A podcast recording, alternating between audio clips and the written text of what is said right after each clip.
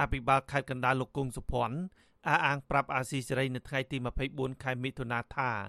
អញ្ញាធបបានបញ្ជូនសំណុំរឿងហិង្សាដែលយោធាបាញ់ទៅលើប្រជាពលរដ្ឋឲ្យរងរបួសនោះដាក់ទៅតុលាការដើម្បីបន្តនីតិវិធីរួចហើយលោកបញ្ជាក់ថាក្រមយោធាដែលបាញ់ទៅលើប្រជាពលរដ្ឋនោះអញ្ញាធបមិនពិបាកកំណត់មុខសញ្ញានោះទេព្រោះពួកគេបំពេញការងារក្នុងនាមអង្គភាពយ៉ាងនេះក្តីអាស៊ីសេរីបានសួរថាតើអញ្ញាធរបានខត់ខ្លួនជនប្រព្រឹត្តនោះហើយឬនៅ អភិបាលខេត្តរូបនេះបែរជាឆ្លើយថាលោកមិនហ៊ានបញ្ជាក់ចំណុចនេះទេ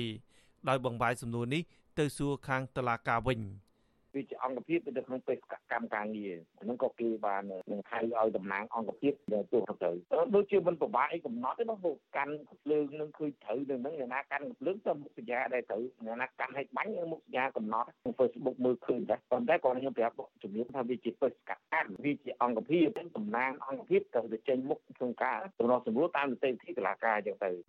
លោកគង់សុភ័ណ្ឌបានឲ្យដឹងទៀតថាក្នុងសំណុំរឿងនេះអញ្ញាធរក៏គ្រងកោះហៅប្រជាពលរដ្ឋមួយចំនួនដែលលោកថាមានជាប់ពាក់ព័ន្ធនឹងការដុតគ្រឿងចាក់ក្នុងអំឡុងហេតុការណ៍បាញ់បោះដោយសេរីនោះដែរជាមួយគ្នានេះលោកអះអាងថាអាញាធរខេត្តនេះនឹងជួយដោះស្រាយថ្លៃព្យាបាលរបួសជនរងគ្រោះរហូតដល់ធូរសះស្បើយផងដែរកាលពីថ្ងៃទី3មិថុនាប្រជាពលរដ្ឋជាង300នាក់បានលើកគ្នាទៅកត់គ្រឿងចាក់ដែលក្រមយោធាបំរុងឈូសឆាយដីស្រែដែលកំពុងមានទំនាស់ជាមួយប្រជាពលរដ្ឋ នៅភូមិអង្គស្រែពូឃុំទួលព្រិចស្រុកអង្គស្នួលខេត្តកណ្ដាលពលរដ្ឋកំពុងតវ៉ាស្រាប់តែក្រមយោធា បានមកក្រាបមកលើប្រជាពលរដ្ឋដោយបាញ់គ្រាប់កំភ្លើងពិត បណ្ដាលឲ្យពលរដ្ឋម្នាក់រងរបួសធ្ងន់អាស៊ីសេរីបានតាក់ទងអ្នកនាំពាក្យកងរាជអាវុធហត្ថលើផ្ទៃប្រទេសលោកអេងហ៊ីដើម្បីសាកសួរដំណើររឿងស៊ើបអង្កេត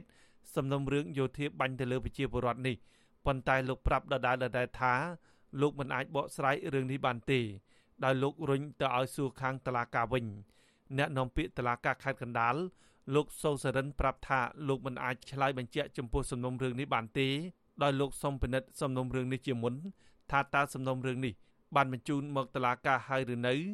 ប៉ុន្តែនៅពេលអាស៊ីសេរីតាក់ទងទៅលោកម្ដងទៀតលោកមិនលើកទូរស័ព្ទនោះទេចំណែកអ្នកនាំពាក្យក្រសួងការពារជាតិលោកអុកសវណ្ណវិញលោកមិនធ្វើអត្ថាធិប្បាយចំពោះរឿងនេះដែរដោយលោកស្នើសុំពិនិត្យរបាយការណ៍ជាមុនសិន ការឆ្លើយដាក់គ្នាពីមួយទៅមួយនិងភាពប្រងើកន្តើយរបស់អាជ្ញាធរនេះធ្វើឲ្យជនរងគ្រោះហាក់អស់សង្ឃឹមចំពោះដំណើរការរោគយុតិធធជនរងគ្រោះនៅក្នុងហេតុការណ៍បាញ់ប្រហារនោះគឺលោកមុំចន្ទថាអះអាងថារយៈពេលជិត1ខែមកហើយ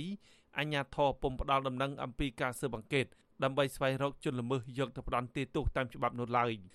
លោកមើលឃើញថាអាជ្ញាធរហាក់ប្រងើកន្តើយមិនអើពើទុកលំបាកនិងស្វែងរកយុត្តិធម៌ជូនរូបលោកនោះទេ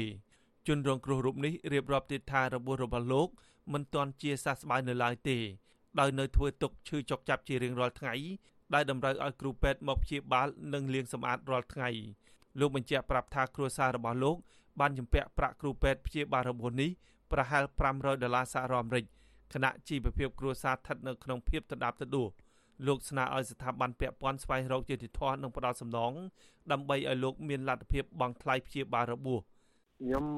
នៅចាប់ក្នុងមុខរបួសហ្នឹងនៅចាប់ក្នុងឆ្អឹងពីពេទ្យមកអស់លុយជាបាយជនមើលនៅហ្នឹងបើគេអត់ធ្វើអត់គេគេអត់ចាប់អត់ចងអីទេគាត់ឮថាដោះស្រាយដោះស្រាយចំណងឲ្យខ្ញុំហ្នឹងប៉ុន្តែគេស្រាប់តែបាត់ចឹងទៅជាបរដ្ឋនឹងខ្ញុំអ្នករងគ្រោះហ្នឹងចង់បានយុទ្ធធរដែរខ្ញុំចង់ឲ្យខាងញាធរហ្នឹងរកយុទ្ធធរឲ្យខ្ញុំនឹងដោះស្រាយចំណងឲ្យខ្ញុំបីមើលជំងឺ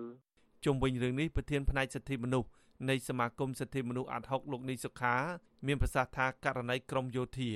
បាញ់មកលើប្រជាពលរដ្ឋនៅស្រុកអង្គស្នួននេះស្ថាប័នពាក់ព័ន្ធមិនពិបាកក្នុងការស្វែងរកជនល្មើស